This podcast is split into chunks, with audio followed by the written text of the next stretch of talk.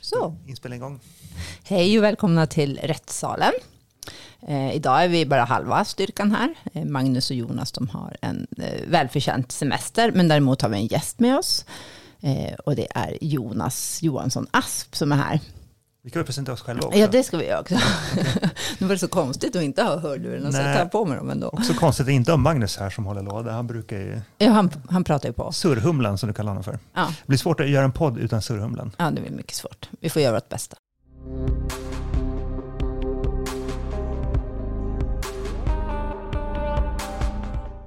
Du är Jag är advokat Anna Melander.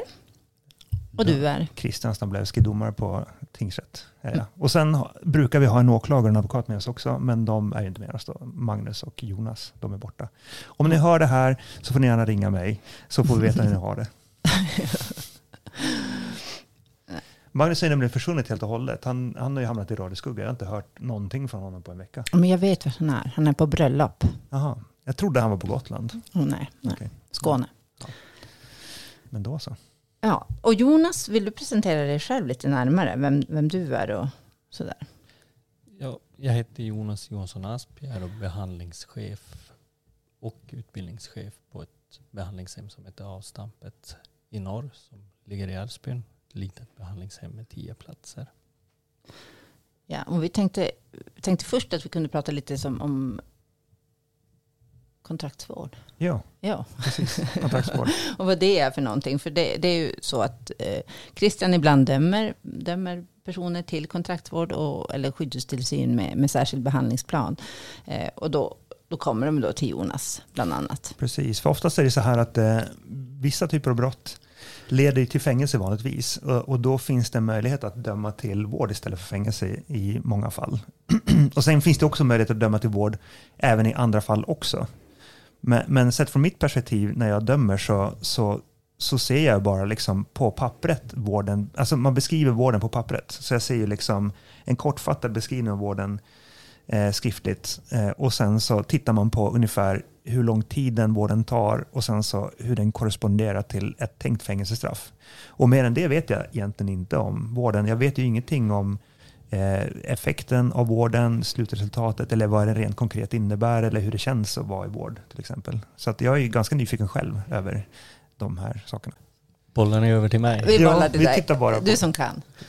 Ja, rent generellt sett så kommer man till oss och, och, och, och med, vi kallar ju det, vi säger kontraktsvård, vi, vi förenklar det hela. Då, då eh, har man ju, det som ni sa, man har ju lite särskilda föreskrifter, men man kommer till oss, det är ett litet behandlingshem, eh, tio platser, eh, som jag var inne på tidigare. Och vi arbetar enligt, enligt en manualstyrd tolvstegsmetod eh, som grundar sig i någonting som heter Recovery Dynamics. Men som vi har eh, arbetat om och, och, och kommer även släppa en digital version, eller digitalt arbetsverktyg med det. Som ska vara utifrån svenska förhållanden och svenska för, förutsättningar som heter Recovery in Motion. Och då arbetar man manual, stri, ganska strikt manualstyrt eh, i en, i en, i, enligt tolvstegsprogrammet. Eh, det generella är att man kommer till oss med en, med en, med en dom på någonstans mellan tre och sex månader. Och, och inom den tiden så ska man ha arbetat klart genom alla tolv stegen. Sen rent generellt så, så har man också då ett år, ofta ett år i eftervård. Eh, det, det kallas eftervård men, men jag tycker att begreppet eftervård är, är felaktigt. Det rätta begreppet vore fortsatt behandling eftersom att eftervård antyder att vården är slut. Men det är egentligen det stora arbetet börjar när man kommer hem skulle jag vilja påstå. Hos oss så får man möjlighet att tillgodogöra sig en verktygslåda för personlig utveckling. Och, och precis som man tränar på gymmet till exempel så är det ju lätt om man är på en träningsretreat. Det ska inte vara retreat att komma till oss men man åker iväg på en, på en träningsvecka någonstans eller något och då har man instruktörer och man har hjälpen och man har allt och man kommer igång. Och så kommer man hem och så slutar man. Då försvinner de träningsresultaten man har uppnått. Och det, det är lika, li, lite eh, grann ganska exakt likadant skulle jag vilja påstå med, med det här. För det är en form av, man, man tänker tolvstegsprogrammet, många, man har mycket olika åsikter om tolvstegsprogrammet. Mycket om att Gud, alltså det pratas mycket om Gud, det är, det är ju jätte, det är svårt har jag förstått. Alltså för jag har ju, jag har ju någon föreställning om att tolvstegsprogrammet bottnar i någon typ kristen religiös bas. Är det någon fördom jag har eller stämmer Nu går Jonas i taket. Det är någonting jag... det kommer ju från USA. Men när man tittar vad grunda, han, personen som grundade tolvstegsprogrammet, eller grundade det, det är felaktigt också. När man forskar i det här så det, det, det, det, är principer som används av en grupp som heter Oxfordgruppen och de använder sig av principer och, och sätt att arbeta med sig själv som grundar sig i första århundradets kristendom och första århundradets kristendom använde Jesus moraliska läror och Jesus använde sina moraliska läror utifrån någonting av Moses och så vidare och Egypten och långt, långt, långt, långt tillbaka. Så det är ett sätt att arbeta med sig själv för att utvecklas personligt som egentligen inte går att spåra var det börjar. Men, men, men, ordet Gud används och då ska man veta att Bill Wilson som var en av grundarna till tolvstegsgemenskaperna, han var våldsamt antireligiös. Han, bara inte trod, han trodde inte på Gud, han föraktade och motarbetade Gud i sitt liv och, och för han funkade. Och han skriver också i historien att ungefär hälften av dem som kom till, till tolvstegsgemenskapen, eh, anonyma alkoholister där på slutet på 30-talet och en bit in i 40-talet. Hälften av dem, de var ateister, agnostiker och våldsamt antireligiösa. Och de var nykter. Så att, det är synd att vi inte har Magnus med oss för att han är ju han är typ religionsvetare delvis. Ja, så han hade haft massa intressant att säga. Verkligen. Det, har varit intressant att ställa han frågan. Jag kommer att ställa den till er och ställa den till, till i stort sett alla som, som har en uppfattning om Gud. Så det hade varit roligt att höra om han hade vetat svaret på den. Och det är, vet ni egentligen vad ordet Gud betyder? Ja, alltså Ingen ja, från allra, allra början eller? Alltså jag vet inte, jo det vet jag ju i normalt språkbruk, det vet jag. Men jag vet inte vad konceptet Gud från början kommer ifrån om man går tillbaka jättelångt tillbaka i tiden. Är din uppfattning att det betyder? Alltså, min uppfattning att Gud är en ställ... Det, det, Gud är en um, metafor för alla krafter som inte jag rår över. Det är min uppfattning om Gud. Alltså, jag rår inte över mitt liv fullständigt själv och det finns massa eh, vita fläckar som inte jag vet någonting om. Eh, och, och då kan man tillskriva de fläckarna då namnet Gud. Det är så jag uppfattar det. Gud kommer ju från ett hebreiskt ord, Jahve. Mm. Jag vet. Nej. var... jag, jag, är namnet på, på, på, på, på, på, den enda Gud. Eller tittar man på, tittar man på, tittar man till exempel på, på mm, gnostikerna så, så, så, menar de ju att, att Jave, det var demiurgen egentligen. Så var det, och demiurgen är ju ett namn för Samael och Samael är ju eh, Sam och El, vilket är gift och Gud, så giftets Gud. Så eh, gnostikerna menar att, att Jave egentligen är djävulen, men förklädd till en trickster som säger sig vara Gud. Men ordet Gud, Jahve, har en betydelse som är jag är. Då var det nära Anna. Ja, men det lät ju.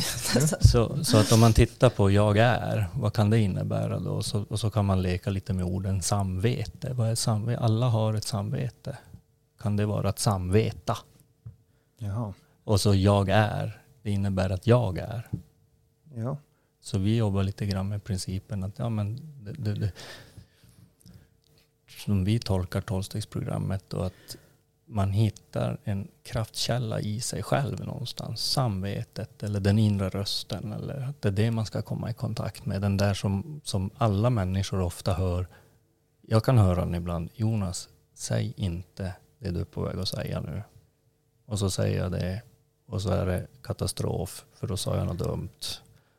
Och så säger den där rösten. Vad var det jag sa? Du skulle inte ha sagt sådär. Det blev inte bra. Och det är Gud. Typ. Ja, Kanske. vet. Kanske. Vi, Det var synd att Magnus inte var med, för han hade haft väldigt många intressanta infallsvinklar här. Det hade kunnat bli så här filosofiska rummet av det här. Ja, nu det är, jag, jag har inte läst religion överhuvudtaget och kan ingenting om religionshistoria. Inte jag heller. till skillnad från Magnus. Då, helt Mm. Ja. Man ska inte koncentrera sig så mycket. Kontentan är... Jag tyckte att det här, den, här, den här inspelningen hade spunnit loss i en helt fel riktning och vi Mm. hade diskuterat en timme om något helt som har inte med juridik att göra. Så att det var ju bara kanske bra att han inte var här. Det, det var det nog säkert. Men, men min, poäng, min poäng är att vi, vi lägger oss inte i hos oss vad man uppfattar som sin kraft, högre kraft eller Gud eller om man hittar någon eller inte hittar någon. Följer man programmets principen och verktygen man lär sig där så funkar det oavsett om man är troende, ateist eller våldsamt antireligiös, precis som det gjorde tidigare. Mm. Så det är inte egentligen en kristen gud som har någonting med det här programmet att göra. Nej. Då dödar vi den myten. Den, där, den biten ja. Men Jonas, du har ju levt djävul förut. Vill du berätta om det? ja, men du har gjort en fantastisk, eh, fantastisk resa. Eh, Jag, jag, är ju, jag sitter ju här som ett resultat utav, utav att jag blev dömd till kontraktsvård 2005.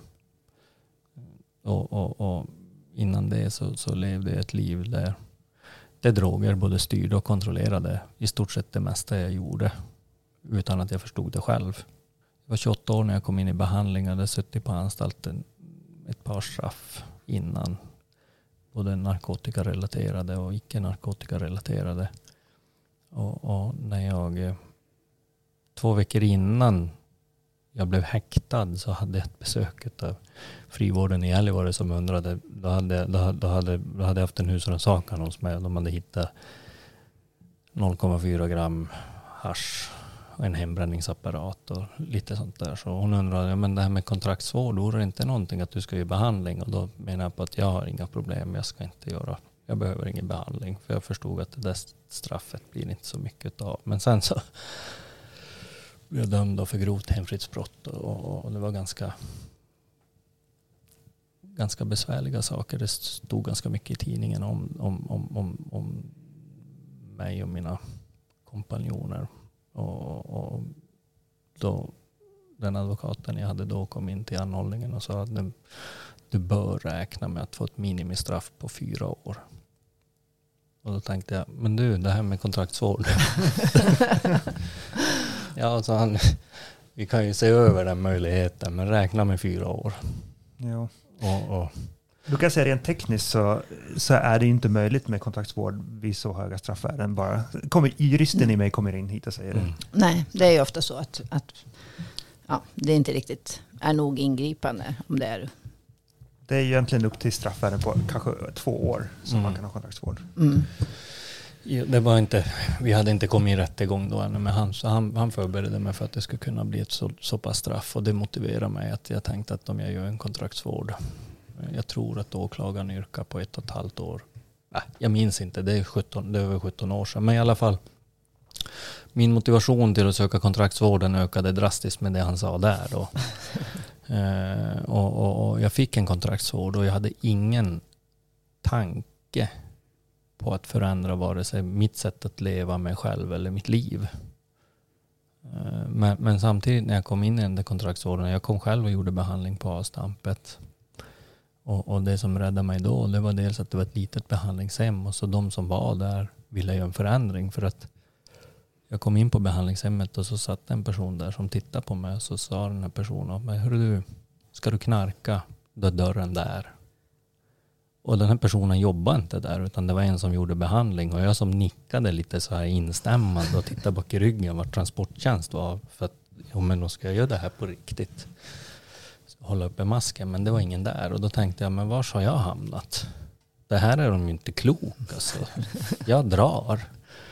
Men jag varit kvar ett dygn till och, och en vecka till och någon månad till och sen så är jag ju, och då var jag ju kanske mer en ögontjänare av rang. Så jag gjorde ju det de sa att jag skulle göra. Bara för att vara inställsam. Och då funkar det. Så, så det här med, med tolvstegsprogrammet för missbrukare, det är egentligen livsfarligt. Man kan ju råkas, råkas bli drogfri, Jaha. även om man inte vill det.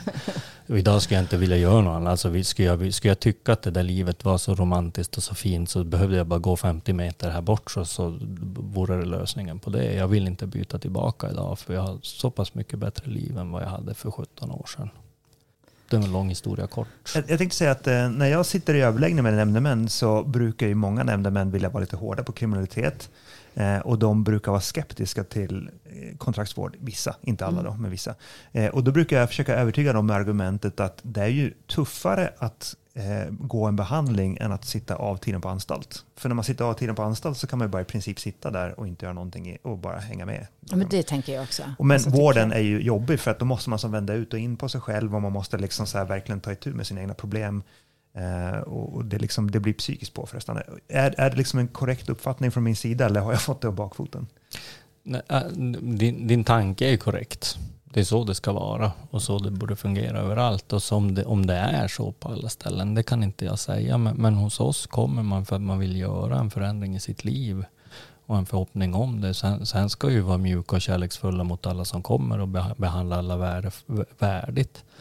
Men man behöver också arbeta med sig själv och man, man har en, en strikt struktur och man har, man har uppgifter man, man, man redovisar och gör. Men, men samtidigt så, eller redo. man, man arbetar med sig själv. Precis som att liknelsen med gymmet är bra. Vill, vill jag ha bra kondition då måste jag ut och springa oavsett om jag vill det eller inte.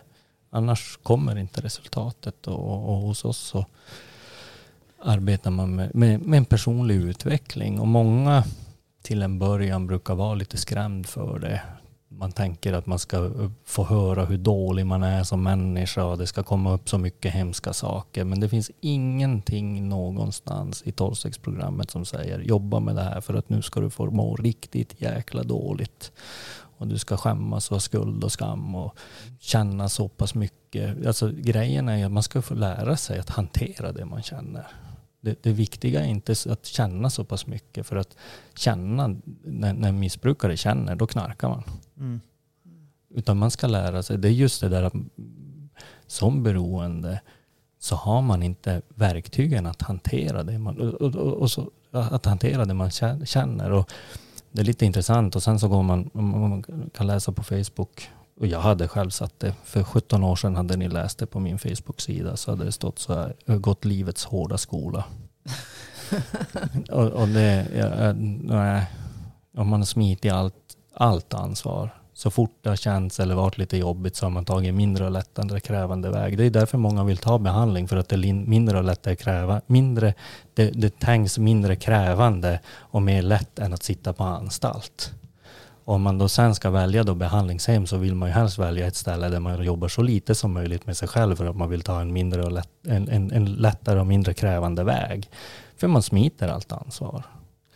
Det där är någonting som jag har på något sätt sett. Nu, jag har ju inte haft så mycket liksom, så jag kommer ju från förorten och då har jag vänner som har drogat och så. Men i vuxen ålder har jag inte haft så mycket kontakt med personer som, som är i missbruk. Men jag ser dem i rätten och det jag kan liksom, den slutsatsen jag kan dra av alla personer jag sett, för jag möter ju i princip missbrukare hela veckan och hela dagarna i rätten. Ja. Och den, den, den gemensamma nämnaren jag kan se det är att alla förlägger ju ansvar för sitt liv utanför hela tiden. Mm. Eh, det, det, det är egentligen den faktorn som jag tycker är gemensam med alla missbrukare jag ser. I övrigt kan det vara i princip vilka människor som helst och de skiljer sig åt på alla möjliga sätt. Men just det där med att man hela tiden hit, försöker hitta ansvaret på någonting annat än på sig själv. Mm. Alla problem som finns, det är någon annans fel. Eller det är liksom man externiserar, liksom sätter ut allting utanför sig själv. Det är polisens fel. En missbrukare börjar ju sällan med, med, med, med, med, med använda droger, utan det kan ju vara att man har kört trimmad moppe och då när man körde trimmad moppe då tyckte man att polisen kunde ägna sig till att ta de där knarkskallarna istället. Och sen när man börjar ta droger då tycker man att polisen kan ägna sig till annat. Det är polisens fel, socialtjänstens fel, arbetsgiv. Det är ju så det är. Så var det för mig också. Så, så, Men det måste vara en stor del att man får lära sig att ta ansvar då? Många, är ju, må, många som alltså, missbrukare är egentligen livrädd för ansvar. De är livrädda för att arbeta med sig. De är livrädda för det som i tolvstegsprogrammet kallar fjärde steget och femte steget för då ska de gräva. Nej, man ska inte gräva. Det handlar inte om att gräva. De har förväxlat det med någonting annat. De har förväxlat det med psykoanalys och sånt där. Och psykoanalys kan ju vara bra men har man inte verktygen att hantera det som kommer när man gräver. Då kommer man använda droger. Mm. Hos oss så kör vi inte psykoanalys utan du får verktygen och, och, och fjärde steget det är bara en inventering. Det gör man alltså. Man tittar på hur har mitt liv sett ut när jag agerat på oärlighet, själviskhet, hänsynslöshet. Vi, vi går aldrig in och tittar i någons arbete där utan det är ganska enkelt egentligen. Man arbetar i listor, man sätter ett kryss här och man sätter ett kryss där. Och så börjar man se ett mönster. Och helt plötsligt, det är det som är magin när vi ser, ser de som, som är hos oss då upptäcker de att de äger problemet. För problemet när, när man sitter i rätten eller någon annanstans och skyller sig själv, det är för att man har ingen lösning. Man är, man är, man är, man är, man är fast i ett missbruk och man, utan att veta det. Man är styrd hit och man är styrd dit och saker tycks hända. Men, men, när man börjar jobba med sig själv så säger man, men det här är mitt, ja, jag, jag, jag ser att problemet sitter hos mig. Varför jag gång på gång på gång hamnar i de här situationerna. Och då kan man också äga lösningen. Och, och någonstans där i fjärde steget så brukar vi se, eh, se, se två veckor in i fjärde steget ungefär när, när de jobbar. Då ser man en dramatisk förändring hos personen när de har upptäckt jag kan faktiskt lösa mina problem själv. Mm. Jag behöver inte vara offer för allt det här längre. Jag har en fråga, nu, nu kommer jag avslöja en hemsk kunskapsbrist hos mig, vilket, vilket är nästan lite pinsamt att avslöja. Jag vet inte vad de här tolv olika stegen är för någonting. Jag har sett ett Seinfeld-avsnitt som handlar om de här tolv stegen och då har jag någon slags eh, här, lite vag begrepp om vad de innebär. Det avsnittet gick ut på att det var någon av Seinfelds och Georges kompisar som skulle ha ett steg där man ber om ursäkt. Och, och de ville typ inte prata med den personen. Typ. Det var liksom själva idén där. Men jag vet egentligen inte mer än det om de här stegen. Vill du förklara vad de här tre Kortfattat, steg ett till tre det handlar om reflektion. Ja. Och då kan jag ta ett tandläkarexempel.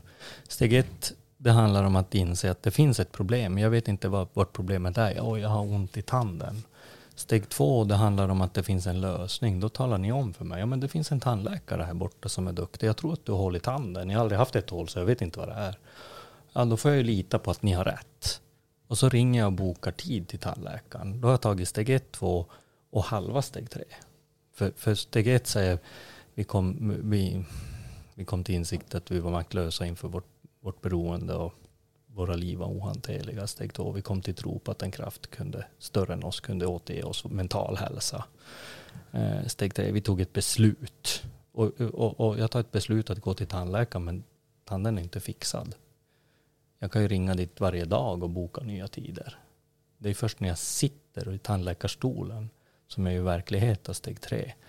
Och då tar ju tandläkaren fram en sån här och börjar peta i tänderna och det upplevs ju obehagligt. Men de gör ju inte det för att vara elak eller sabotera. Och, och, det är lite grann samma sak med fjärde steget. När man börjar jobba i det så kan det vara lite obehagligt för man börjar se sin egna del. Att shit, alltså, det, det, jag är med i alla de här situationerna. Och steg fem, då, ska man, då, då, då, då börjar man prata om hur, hos oss då, då tittar man inte på och jag har gjort det och jag har gjort det eller jag har varit med om det och jag har varit med om det. Utan man tittar på hur, hur har självkänslan varit påverkad? Hur har känslomässiga livet varit påverkad? Och hur har, hur har den egna delen med hjälp av oärlighet, själviskhet, hänsynslöshet och rädsla styrt mig i de här situationerna? Så, och det, det, det, är helt frivilligt hur mycket eller hur lite man tar upp i det där. Och steg sex, det handlar om att titta på gamla strategier. Vad är det, hur är det jag har, vilka strategier i livet har jag använt mig av för att komma i de här bekymren? Steg sju handlar om att börja använda nya strategier. Och, det är ju som när tandläkaren säger, ja men du, du äter mycket socker och du gnisslar tänder på nätterna så att mitt förslag, det är ju ett steg sex då, mitt förslag är att du använder en bettskena och så drar du ner på sockret. Det är steg sju. Steg åtta, då börjar tandläkaren titta på om det är några fler tänder som har tagit skada av det. Då, då, steg åtta i tolvstegsprogrammet, man, man tittar på vilka människor har farit illa av, inklusive mig själv. Ja, det var det, var det avsnittet. Där är Seinfeld. Vilka människor har farit illa på grund av att jag har gjort, levt livet så här. Och sen nionde steget handlar om att ställa det till rätta. Det var Seinfeld. Mm. Där. Där var det. Och, och, och, det är ett, det, det, det, det, och steg 8 och 9 är egentligen de mest själviska stegen. Utan det handlar om att jag betalar bort mina skulder till dig så att jag ska kunna vara fri. Ja. Så att jag ska kunna gå här på gatan och möta dig utan att smita in och gömma mig bakom en skyltdocka eller känna att åh, nu kommer den där och måste jag se honom nu igen och vad var han tvungen att vara här? Utan då ställer jag till rätta. Utom där det kan vara skadligt för mig och andra. Jag kanske inte ska springa till någon till grannen. Nu får ju ni som jobbar i tolvstegsprogram, ni får, ju, ni får ju förhoppningsvis prata med er sponsor hur ni ska göra en gottgörelse eller terapeut eller någonting. Men, men, men, men om jag har varit otrogen med grannens fru så springer jag inte till grannen och säger du, jag har varit otrogen med din fru. Och han kanske tar fram en hagelbössa och så skjuter han mig. Sen skjuter han henne, barnen och sig själv. Det var ju inget bra. Utan det minsta jag behöver göra det är att gå till frun och säga, ja men du, nu har ju det här in och jag börjar känna då, och hon kanske säger, jag vill inte att du pratar med honom. Då har ingen jag rätt att göra det. Jag kan inte dämpa mitt dåliga mående på någon annans bekostnad, utan då får jag leva med det. För, för hon kan ju fara skada, hon vill inte att jag berättar det. Eller hon kanske säger, men vad bra att du känner så, jag har också velat göra det, men jag vill ta det först själv. Och då måste jag låta hon göra det. Mm. Eller, vi tre har begått ett brott. Mm, det gör vi. vi, vi, har, vi har flugit helikopter utanför Akalla. Ja. Och, så, och så känner jag att nej, men jag måste gå och erkänna det här. Det, det, kan ju hända att jag blir ett huvud kortare. Jo. Eh, jag, och, och, och, jag springer inte bara och erkänner det, utan det minsta jag behöver göra är att prata med er. Och så kanske ni säger, nej men jag vill inte, att det här får du knipa om. Ja, om jag då fortfarande känner att jag måste göra någonting åt det, då kanske jag ska gå till polisen och säga, ja men det, jag, jag, varit, jag tänker inte säga vilka de andra inblandade är. För jag har ingen rätt att dra in er mm. på den bekostnaden. Men då kanske jag också måste vara säker på att spåren från mina mobiltelefoner och sånt inte kan leda till er. Och så vidare och så vidare. Så det är inte så enkelt, man behöver någon att resonera med. Och så långt det är möjligt så ska man ju ta de där sakerna och ställa det till rätta. Men man behöver, man behöver nog kanske diskutera med dem istället för att bara springa iväg helt handlöst och göra hit och dit. Sen är jag ju inte förespråkare för att man, man inte ska erkänna brott och så vidare. Men det, det föreligger vissa problem med att erkänna brott, särskilt när andra är inblandade, som man bör bara ta i beaktande. Ja, vi har inte åklagare med oss här så att det får gå omotsagd. Jag lägger mig inte i det här. Men det var steg, steg 9, mm. steg 10, 11, 12. Det är återfallsprevention. Okay. Steg 10 är egentligen en upprepning på heltidsbasis av de första nio stegen.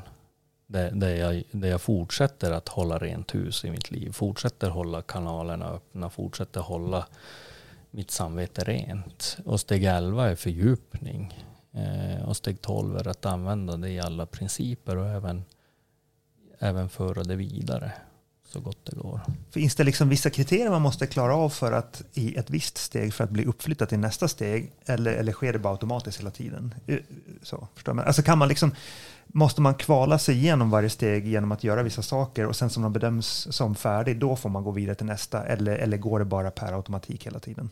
Alltså det, det, det finns ju en viss inkvalningsprocess för att gå vidare till nästa steg, i alla fall när man är hos oss. Kan, kan det hända att man stannar på steg tre och kommer aldrig vidare därifrån för att man inte uppfyller kraven för att komma upp till fyran?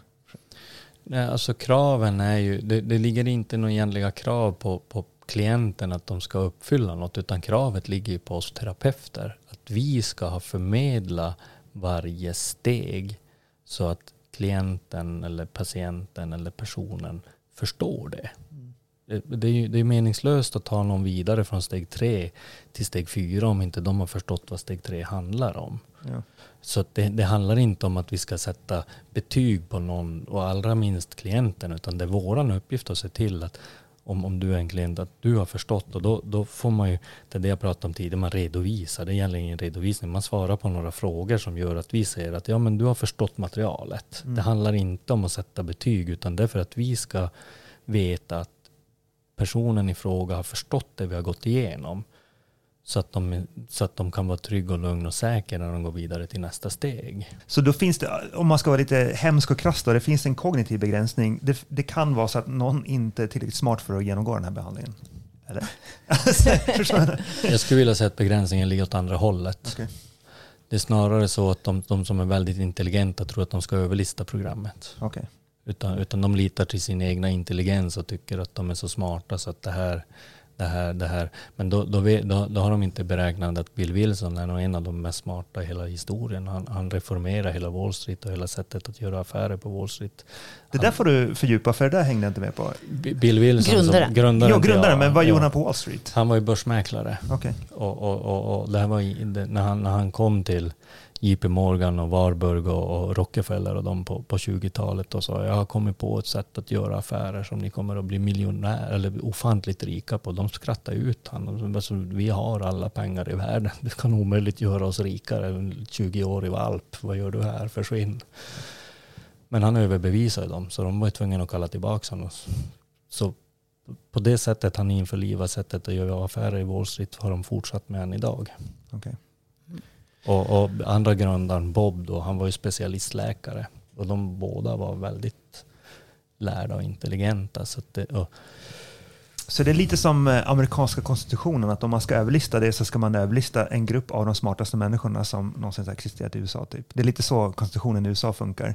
Mm. De här eh, grundlagsfäderna mm. var väl typ jättesmarta allihopa och väldigt pålästa och bildade. Är det samma typ av behandling som man genomgår oavsett vilken typ av missbruk man har? Det är inte så att, eh, blir det olika typer av behandling om man är liksom alkoholist kontra om man är beroende av narkotika? Eh, och, är det olika typer av behandling beroende på narkotikatyp? Nej. Det är samma? Nej, det, grundproblemet är detsamma. Man kan behöva lite olika avgiftningar eller sånt där. Utan tolvstegsprogrammet är ett program för personlig utveckling. Och det är bara första delen av första steget som handlar om drogen. Resten handlar om sättet att leva livet. Så att vi kan byta ut, vi var erkända att vi var eh, maktlösa mot kokain eller vi var erkända att vi var maktlösa mot spelberoendet eller mot eh, sexberoende eller arbetsnarkomani eller alkohol eller träning. Det, så det, går ju, det finns så mycket där man kan, man, man, man bjuder bara ut ett ord och allt annat är likadant. Ja. Mm. Jag tänkte för att det låter lite som att eh, många skulle behöva det även om man inte missbrukar. Ni har inte liksom funderat på att sälja behandlingen som en slags eh, retreat för folk som inte har uttalade problem? Alltså min vision är ju att alla människor ska ha tillgång till det här. För att går vi ut på gatan idag och frågar om folk vet vad tolvstegsbehandling är. Så om någon vet något överhuvudtaget så brukar så svaret är väl de alkoholisterna. Mm. Eller det där om Gud. Ja, men, men det är ett program för personlig utveckling som har använts i årtusenden. Vi pratade, jag vet inte om vi pratade tidigare, om vi pratade när vi spelade in om att det kom från Oxfordgruppen. Ja, men jag mm. sa det här. Ja. ja. Så det är egentligen ett program för personlig utveckling. Och, och, och, och i AA så hämtar de in material från några av de mest smarta. De hämtar material från Nils Bohr om ni vet vem mm. det är. Den, Han var ju Einsteins bästa kompis. Yes, och de hämtar material från uh, William James. De hämtar material från uh, uh, Verities of Religious Experiences, A Study in Human Nature av, av, av, av um, han som, som Einstein, Einstein sa att eh, Tesla var smartast, men, men, när de frågade Jung till exempel så sa han, varför kommer jag inte ihåg namnet nu, men de har material från C.G. Jung. Och, eh, lite intressant också att de visar ju på att, att både C.G. Jung, eh, Freud och, och, och, och, Alfred Adler, de hade inget, de hade inget eh, verkligt program som hjälpte alkoholister och det sa de också. Mitt program funkar inte på alkoholister. Och så är det, tittar man vad det är de bedrev, då är psykoanalys och psykoanalytiska metoder. Och så generellt sett i, i samhället så är det fortfarande det som vi försöker bota alkoholism med. Men, men, men de här tre grundarna till, till den moderna psykoanalysen och psykoterapin mm. och så vidare sa att deras metoder funkar inte på beroende. Men är det inte lite för att man håller på att peta i sår då och det blir bara jobbigt? Och då blir man ännu mer sugen på Precis. Jag tänker också att man måste ha ett, liksom, ett livsprogram på något vis som, mm. som du förklarar. Jag, jag, jag, jag, menar inte att deras metoder är dåliga nej, för nej. beroende. Nej. Men det är som du säger, man är petar i sår och har man inte verktyg, man ska sitta i ring och man ska, man ska dra upp sina livshistorier och man ska gråta. Man ska, jag är emot sån, all typ som behandling. Jag skulle vilja påstå att i många fall så är det direkt skadligt. Vill, det, det, kanske hjälper en 20-30 procent men, men, men det är alldeles för liten del. Och, och, och frågan är hur, hur, ja, jag ska inte gå in på det, men, men, men vad, var de personerna verkligen beroende, har jag lust att säga. Eftersom att de programmen funkade på dem och enligt upphovsmakarna så funkar det inte på beroende. Okay. Men du, ser du beroendet, alltså det spelar ingen roll vad man använder för, för substans eller för, ja, vad kallar man de andra beroendena? Spelberoende till Du exempel. har ju substanser, processberoende. Processberoende. Ja. Ser det som Ja, att, men vänta, nu hängde jag med. Det finns substansberoende och processberoende. Processberoende är typ spelmissbruk och porrmissbruk. Att man är beroende av, av någonting man gör. Mm. Och substansberoende, okej, då hänger jag med. Förlåt. ja, ja, nej, bra, bra att du förklarar. Jag, jag, jag vet inte själv om termerna, det är därför jag... Nej, men, alltså, ser du dem som, ser du, eh, som att det är en sjukdom, att man kan liksom egentligen bara byta ut här emellan, eh, liksom, droger mot alkohol, mot sex, mot arbete? Det, det, det, gör man ju ofta. Mm. Man byter ut det ena mot det andra. Jag skulle vilja, jag skulle vilja påstå, eller jag skulle vilja, min, min uppfattning är, om vi tar spelberoende till exempel, alltså, Toxic-programmet funkar för spelberoende. Men jag skulle vilja påstå, den uppfattningen jag har i alla fall, att det är ett svårt beroende att komma till rätta med. Mm. Det, det, det sitter så djupt. Alltså det, det, det, det är tufft att vara spelberoende. Jag skulle vilja nästan... Så har jag, har jag, ska, jag, ska, jag, ska, jag, ska jag få välja mellan två personer och behandla så ska jag behandla, eh, om jag har en, en heroinist och en spelberoende, så ska jag välja att behandla spel, den spelberoende i första hand för att jag tänker mig att det är en större utmaning. Okej. Men alltså att man blir mer beroende, för heroin är ju annars typexemplet som, som man tänker att, Det är väl det värsta Det substansberoendet som, som jag har förstått det. ja, samma för mig. Eller? Jag kanske har fel. Vi killgissar. Det kanske finns värre substansberoende än heroin. Treo. Treo? Treo. Jag, jag, brukar, jag brukar skoja att jag är beroende av Ipren för att jag får så lätt huvud, spänningshuvudvärk. Tre, tre, jag arbetar på en avgiftningsavdelning. Treo och eh, Lyrica. I kombination eller? Nej, var för sig. Lyrika, det har jag hört talas om. Men Treo? gift. Treo, ja, vi, vi, vi avgiftade en, en, en, en, person som, som var beroende av Treo och det är en av de häftigaste resor jag bevittnat. Men alltså hur blir man beroende av Treo? Uh, Alltså Treo Komp då eller? Vanlig. Treo. vanlig Treo. Ja, Alltså var det så att, man, att personen i fråga hade typ jättemycket huvudvärk och började äta mycket Treo och kunde inte sluta med det? Eller hur, hur blir man beroende av Treo? Ja, det låter Det jättekonstigt. alltså personen i fråga använde väl ett, två eller tre rör Treo per dag. Jag minns inte vad mycket Jaha, Treo. Det var hela tiden Treo. Så, så, så, och och, och, och den, den kroppsliga reaktionen på den avgiftningen, eh, den, den, den var tuff. Okej. Mm. Det, det, det var inte en enkel resa. Så jag ska inte säga att det är tuffare än, än, än, än eh, vissa, men du har, ju, du har ju heroin och det finns internetdroger och det finns massa droger som är tuffa att avgifta ifrån. Men, men, men, men, men, men jag minns den där treavgiftningen och jag vet, jag har aldrig själv behövt avgiftas från Treo så jag vet inte. Jag har aldrig behövt avgiftas från Lyrica men jag har sett och varit nära många som har avgiftats från Lyrica och gabapentin och sånt där. Men det får man väl utskrivet ganska lättvindigt, höll jag på att säga. Eh, det kanske man inte får, men, men jag tycker många äter det. Ja. Det verkar så. Men, men, eh, det, är tufft att, det är tufft att sluta med droger. Man, man kan behöva en, en avgiftning emellanåt. Och, och, och, eller tillnyktring skulle jag vilja säga att det är. Och, och vi förespråkar ju att man får vi skulle ju helst vilja att man fick en, en, en, en, en tillnyktring under läkaruppsikt på, på ett ställe där man, där man får sista medicinen idag och så får man vara kvar där i en två, tre dagar för att det är tredje dagen som, som, som är svårast för många. Men det- alkohol, det kan man väl nästan dö av? alkohol är ju... Mycket frågor. Ja, men det, det är som, jag, jag arbetar på ett, på ett ställe där för, då, då vi hade avgiftningen och ibland så fick vi uppdrag att hämta då en person från djupskogarna långt ifrån och, och, och det folk inte visste eller som inte var så uttalat det var att vi hade alltid med oss en, två eller tre öl i bilen när vi hämtade någon så där långt ifrån. Dels för vi har ingen medicinsk kunskap och får man ett delirium, till- alltså det är ett livsfarligt tillstånd. Man kan dö av en alkoholavgiftning om man gör det på fel sätt. Mm. Och då är enda räddningen det är att dricka mer alkohol eller få en B-vitamininjektion. Och vi har inte, ja, ja vi hade ingen sån kompetens att vi fick ge B-vitamininjektioner. Utan då, det var ett direkt livsuppehåll, en, en nödlösning för 20 mil från närmaste sjukstuga. Ja. Mm. Och någon håller på att dö i bilen. Men det spelar roll om de är alkoholister eller inte. Ge dem mer alkohol om det är det som räddar dem tillfälligt som man kommer fram till. Så att det, det, det kan vara livshotande också. Men nästa fråga då. Jag tänker eh, ja, men utifrån från din syn då, att det är en sjukdom och att, att man är beroende. Och det generellt. Vad- Hur tänker du om de- LARO och Subutex-behandling, läkemedelsassisterad? Eller vad heter det? Läkemedels... Alltså LARO och Subutex-behandling, det är i alla fall, jag tänkte bara, för alla kanske inte vet vad det är för Mm. någonting, men det är när man, eh, när man har eh, väldigt eh, tung beroende av eh, opiater så, så skriver man ut lite lättare medicinska opiater åt en person så att den kan liksom droga på det istället för att använda illegala droger. Och det ska liksom vara ett sätt att liksom kontrollera beroendet. Jag tror att det föder fler missbrukare.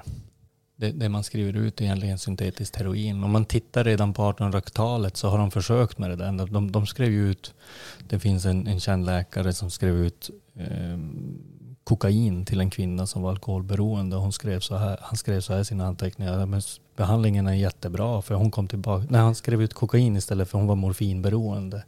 Hon har, hon har kommit tillbaka efter för två pound mer och hon har inget sug efter morfin. Nej, hon fick kokain. Ja.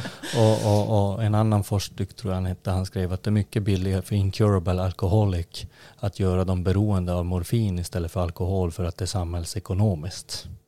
De har provat, alla de skrev ut heroin till morfinister i början på 1800-talet. De skrev ut heroin som hostmedicin också.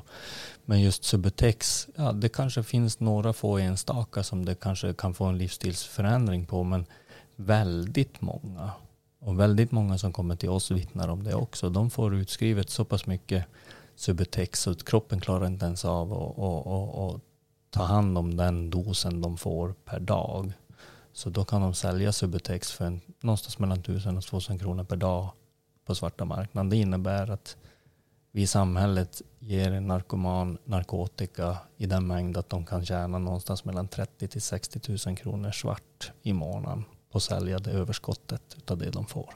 Men det där gäller väl också andra typer av narkotikaklassade mediciner, antar jag, bensodiazepiner och, och sådana, tänker jag. Eller är det bara, är det bara liksom eh, opiater? Det finns ju ställen här i stan man kan gå och studera det på Nej. om man vill. Det ska du inte, vi, vi, kan, vi behöver Men- inte. Men man kan gå utanför olika sådana där avdelningar där sånt skrivs ut. På sjukhusen till exempel. Och, och, och där ser man det ganska, ganska tydligt. Både, både här och i andra städer. Så, så är det köer där på morgonen utav de som hämtar medicinen och de som köper det utav de som har hämtat den.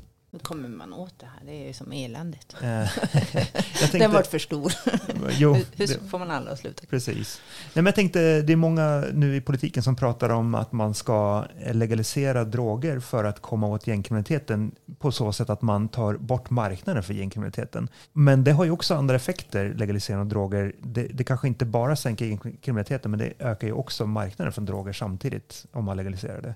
Hur skulle det påverka liksom missbrukandet generellt då?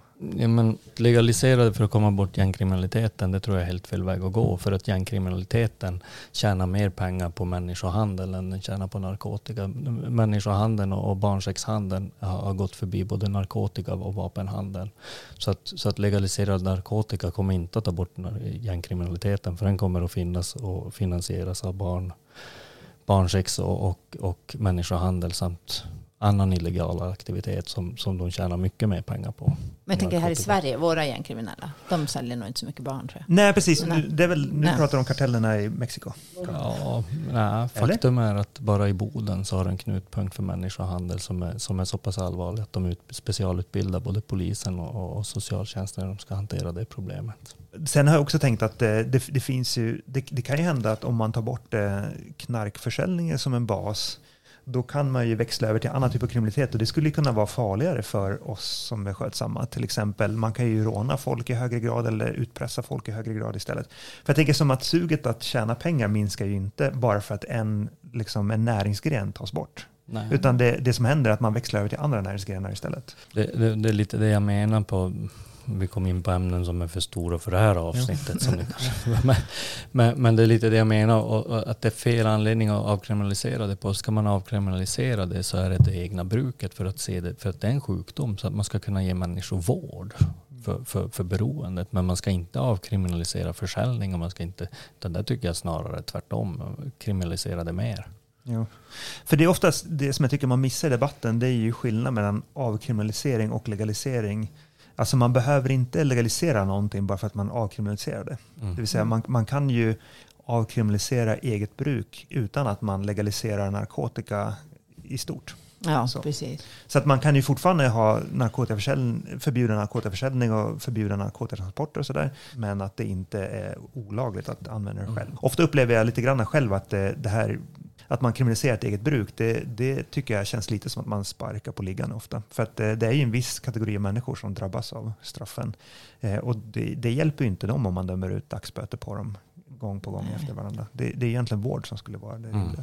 Och då tänkte jag om man på, på riktigt vill komma åt det, då kanske man skulle på något sätt hitta på lösningar så att de får vård istället för dagsböter. När man bryter missbruket, vad, vad är det liksom det jobbigaste när man bryter missbruket? Är, är det det att man, eh, eh, för, för det kräver dels att man, att man liksom på något sätt avgiftar sig själv från substansberoendet, alltså det biologiska beroendet tänker jag. Men sen krävs det också att man, att man by, bryter massa vanor och gamla umgängen och sånt.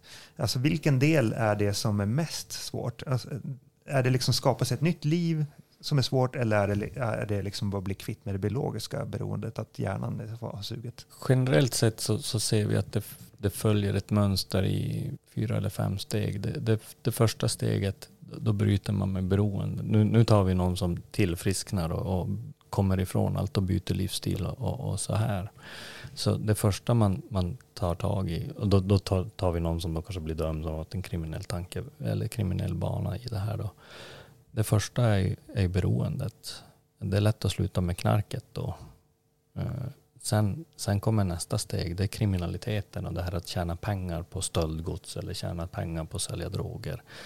Då, då, det är som nästa del som man kan behöva ge upp och som man kan få arbeta med. Eh, som många faller tillbaka på. Efter det så kommer det här med, med, med att byta vänner. Det kan också vara jättesvårt. Att, ja, men de här kompisarna, det finns ibland en lojalitet bland kriminella som inte går att hitta någon annanstans knappt. Det, det, det, man kan gå döden för varandra. Man kanske kan hitta det i, i så här extremyrken som brandkår och poliser och militärer. Man, man får en sån lojalitet att man går i döden för varandra. Det kanske finns något, men det, den känslan Brorsor. brorsor.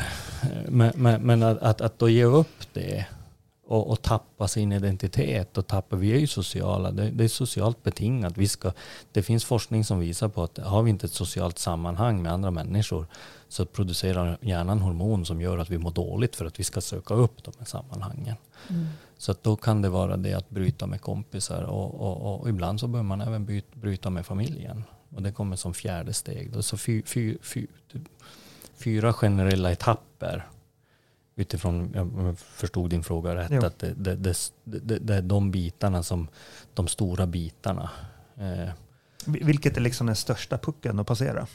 jag tror att det är lite individuellt. Det beror på vad man har för familjeband, vad man har för vänskapsband och vad man har för band till kriminaliteten och så.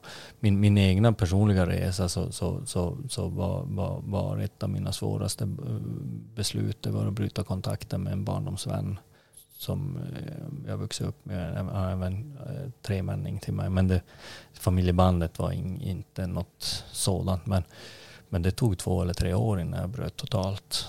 För jag, för jag höll på att ställa till det eh, rejält för mig genom att fortsätta umgås med den här personen. Och så att jag kan inte, vi umgicks inte på tio år. Han på, han höll på att dö ett par gånger också. Men sen efter tio år så hörde han av sig och då var han drogfri. Just det. Så, och det var ju helt fantastiskt. Så. Men du, vet det, jag tänkte också på en sak som jag, det här är bara en föreställning jag har, men, men jag, jag, jag har en föreställning om att eh, de som är missbrukare och är i kriminalitet, att de hela tiden har liksom dåligt samvete i bakgrunden konstant som matar på. Att man liksom känner liksom någon slags skuld över att man typ hanterar stöldgods och att man gör små inbrott och förrådsinbrott och massa sånt där. Är det liksom en korrekt föreställning eller är det bara någon typ av fördom jag har? Det är ju såklart individuellt också, men jag tänkte rent generellt. Jag tror att det latent eh, omedvetet kan finnas där. Men att det är medvetet, många, må- man, tappar ju, kan ju tappa all form av... Jag själv, eh, jag var övertygad om att jag var psykopat. Jag gick till, till en läkare också ett, kanske ett år innan jag bedömde till behandling. Och jag har gått där ett par gånger. Och till slut så vågade jag som uttrycka till henne då ganska mycket tillit till den här läkaren. Att fan, jag, jag, jag, alltså jag gör sådana saker och har ingen känsla för någonting. Att jag kan, för jag sökte en förklaring. Mm. Så sa, att, men psykopat, jag måste vara psykopat. Jag beter mig på ett sånt sätt jag kan göra vad som helst utan att bry mig i vad som händer med den andra människan. Och då tittade hon på mig och så skakade hon på huvudet och sa Jonas, du är inte psykopat. Då vet jag att jag, då, då, då, då tappade jag fotfästet för då hade jag ingen annan förklaring. Så då tänkte jag tyst för mig själv att ja, men jag är då sociopat. och sen gick jag ut därifrån. Men det vågade jag inte säga till henne. För jag var livrädd att hon skulle säga nej det är du inte heller. För då hade jag inte haft någon förklaring för mig själv hur jag kunde agera som jag gjorde. Idag så vet jag ju att jag led av obehandlad alkoholism. Okej. Alltså typ att den avtrubbar känslolivet. Mm, man, man gör saker, går över sina värderingar och, och till slut så slutar man känna och använder droger också. För, men det, det, det, det som du pratar om, bensodiazepiner. Det, det är inte alls ovanligt att en indrivare proppar sig full av bensodiazepiner innan den personen går in och, och, och tejpar fast en person i en stol och hans familj eller hons familj. Och, eller diesel över om man hotar att tända på. Ja. Så att det, Det tänker jag också att många är nog väldigt påverkade när de gör Mm. när sådana här riktiga tortyrbrott. mm. Eller ja, vansinnesgrejer. Ja, jag, gener- jag tror inte jag har sett på någon där det inte har varit så kan jag säga. Nej. Har du någonting Jonas som du känner? Nej, jag, jag, Har, Nej men alltså det, är- det, är ju- det är ju det där fördomarna mot tolvstegsbehandling och, och man har och, och det jag skulle vilja man måste skilja på, på tolvstegsbehandling och det många missuppfattar. Vi använde förut något som kallas för Minnesota-modellen. Som jag, För där tänkte jag komma. Jag tänkte precis ställa frågan, vad är skillnaden mellan 12-stegsprogrammet och Minnesota-modellen? Minnesota-modellen är ju någonting som de, det, det är egentligen, det, det, det, det kan vara vad som helst. Det finns, inget, det finns ingenting som säger att det ska vara på ett visst sätt. Det, så vem, det går inte ens att forska på det för alla gör, det är ingen som gör samma sak. Du, vi tre kan säga att vi startar ett tolvstegsbehandlingshem och så använder vi oss av Minnesota-behandlingen. Hos dig gör man på ett sätt, hos dig gör man på ett sätt, hos mig gör man på ett tredje sätt. Och så dessutom kanske vi har fyra terapeuter som alla fyra arbetar på olika sätt. Man klipper och klistrar och plockar in och plockar ur och kommer på egna lösningar här och du ska göra det. Och det, det är inte... Det betyder inte att det är dåligt, men det är inte tolvstegsbehandling. Tolvstegsbehandling är ganska man följer en, ett recept, ungefär som om jag ska baka en sockerkaka. Man följer vissa saker och instruktioner i en viss följd. Eh, och det finns som väldigt få, det finns som egentligen ingen kvalitetssäkring eller stämpel på det. Du skulle inte få göra samma sak med en KBT-klinik till exempel. Du skulle inte få kalla det KBT om man klipper ut vissa saker och klipper in andra saker. Det, Mm. det, det, det skulle bli uppror bland KBT-arna. Du, du följer ju inte principerna i KBT. Mm. Eh, och det är inte sagt att det är dåligt, men, men när, vi, när vi hade Minnesota-behandlingen då, då, då var det mycket det där. Men vi visste ingen, vi hade inget bättre och det kändes aldrig heller riktigt rätt att, att följa de där principerna. Man, man satt i ring och man mer eller mindre skulle berätta allt och man skulle komma upp. Och, och, och lyckat resultat det var när någon hade, hade fällt en tår eller två. Då tänkte jag, ja nu har de brutit igenom. Men många av de där gick ju hem och använde. Mm. Och, och, och idag så ser vi ju de som kommer till oss och följer den här manualen. De har inte, de, de, de, de, de, de, lär sig verktygen att hantera det som kommer upp när man sitter i den där ringen. De får en verktygslåda och resultatet är helt annorlunda. Vi har, vi har, vi har, vi har otroligt bra, alla, av alla som följer, fullföljer eftervården så, så eh, det är jätte, jättemånga som är, är drogfria Fram till årsskiftet så då var det bara mätt över två år, men då var, eller 2019 till två- tre år, då var alla drogfria. Nu har någon tagit återfall, men och, och 88 procent hade kommit ut i egen sysselsättning och så vidare. De resultaten hade vi inte tidigare. Det, det, det, det, det, det finns en förening, Föreningen för manualstyrd tolvstegsbehandling, den försöker säkerställa det här. Det finns några behandlingshem i Sverige som använder den här metoden och allt fler kommunala öppenvårdare har intresserat sig för den. Vi utbildar då bland annat socialtjänster, regioner. Vi är första som har fått utbilda regionerna i tolvstegsbehandling. Region Norrbotten och Västerbotten har gått den utbildningen och, och ska tillämpa det på rättspsykiatrin och sådär. Så att det, det, Gud vad bra. jo, Jättebra. jo. Så vi har utbildat kommuner från Hör ända upp till Kiruna. Och Kiruna har utbildat totalt 25 stycken inom hela socialtjänsten på det. Både handläggare, i öppenvården, deras socialpsykiatri, sjuksköterska, så att alla ska ha ett kännedom om vad, vad, vad, vad de gör och så vidare. Den, den, har, den har fått mycket bra vitsord både från, från de som har gått utbildningen och de som har gått behandling. Och de som har fullföljt behandlingen. Men det finns liksom ingen sån här världsomspännande organisation som på något sätt eh, certifierar och liksom håller reda på de här metoderna. Utan det, det är någonting, det, det är som en organisation här i Sverige som, som har manualer som... Finns det någon licensavgift man betalar eller liksom hur funkar det? Om... Nej, alltså det enda, går man utbildningen så får man ett material.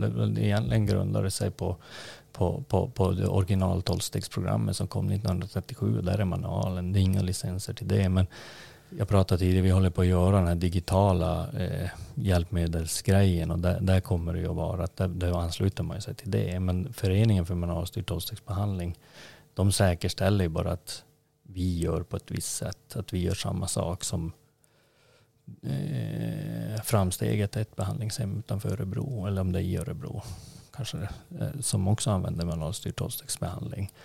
Sen finns det några andra. De, de, som ansluter sig till föreningen betalar en låg avgift till föreningen för deras administrativa kostnader och mm. sådär. Men, men, men, men det är inte mer än så. Då, då, kan de, alla som får ha den stämpeln, då vet, då vet man att det gör de på det sättet.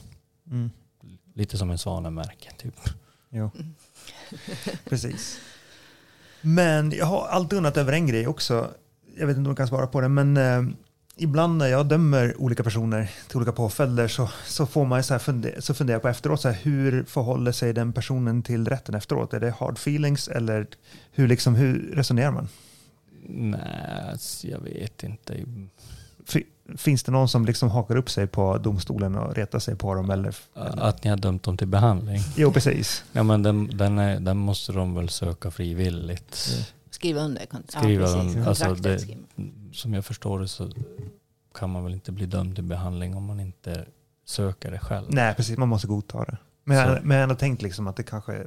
Liksom, Nej, jag har aldrig hört något sånt. Utan många gånger så är de ju eh, tacksamma de som det går bra för är ofta jättetacksamma. Men som jag till exempel är otroligt tacksam. Hade jag inte blivit dömd till det så hade jag antingen varit död idag eller så hade jag suttit hemma i Gällivare i någon eh, pundarlya och drömt om att utföra Akalla-rånet fast bättre än de rånarna. Och, och förmodligen med en nål i armen och helt jävla väck och föräldrar och eh, anhöriga och sånt är alldeles förtvivlande. Där har vi de som går livets hårda skola. Det är de som är anhöriga till missbrukare för de är i smärtan hela tiden utan att ha någonting att fly i.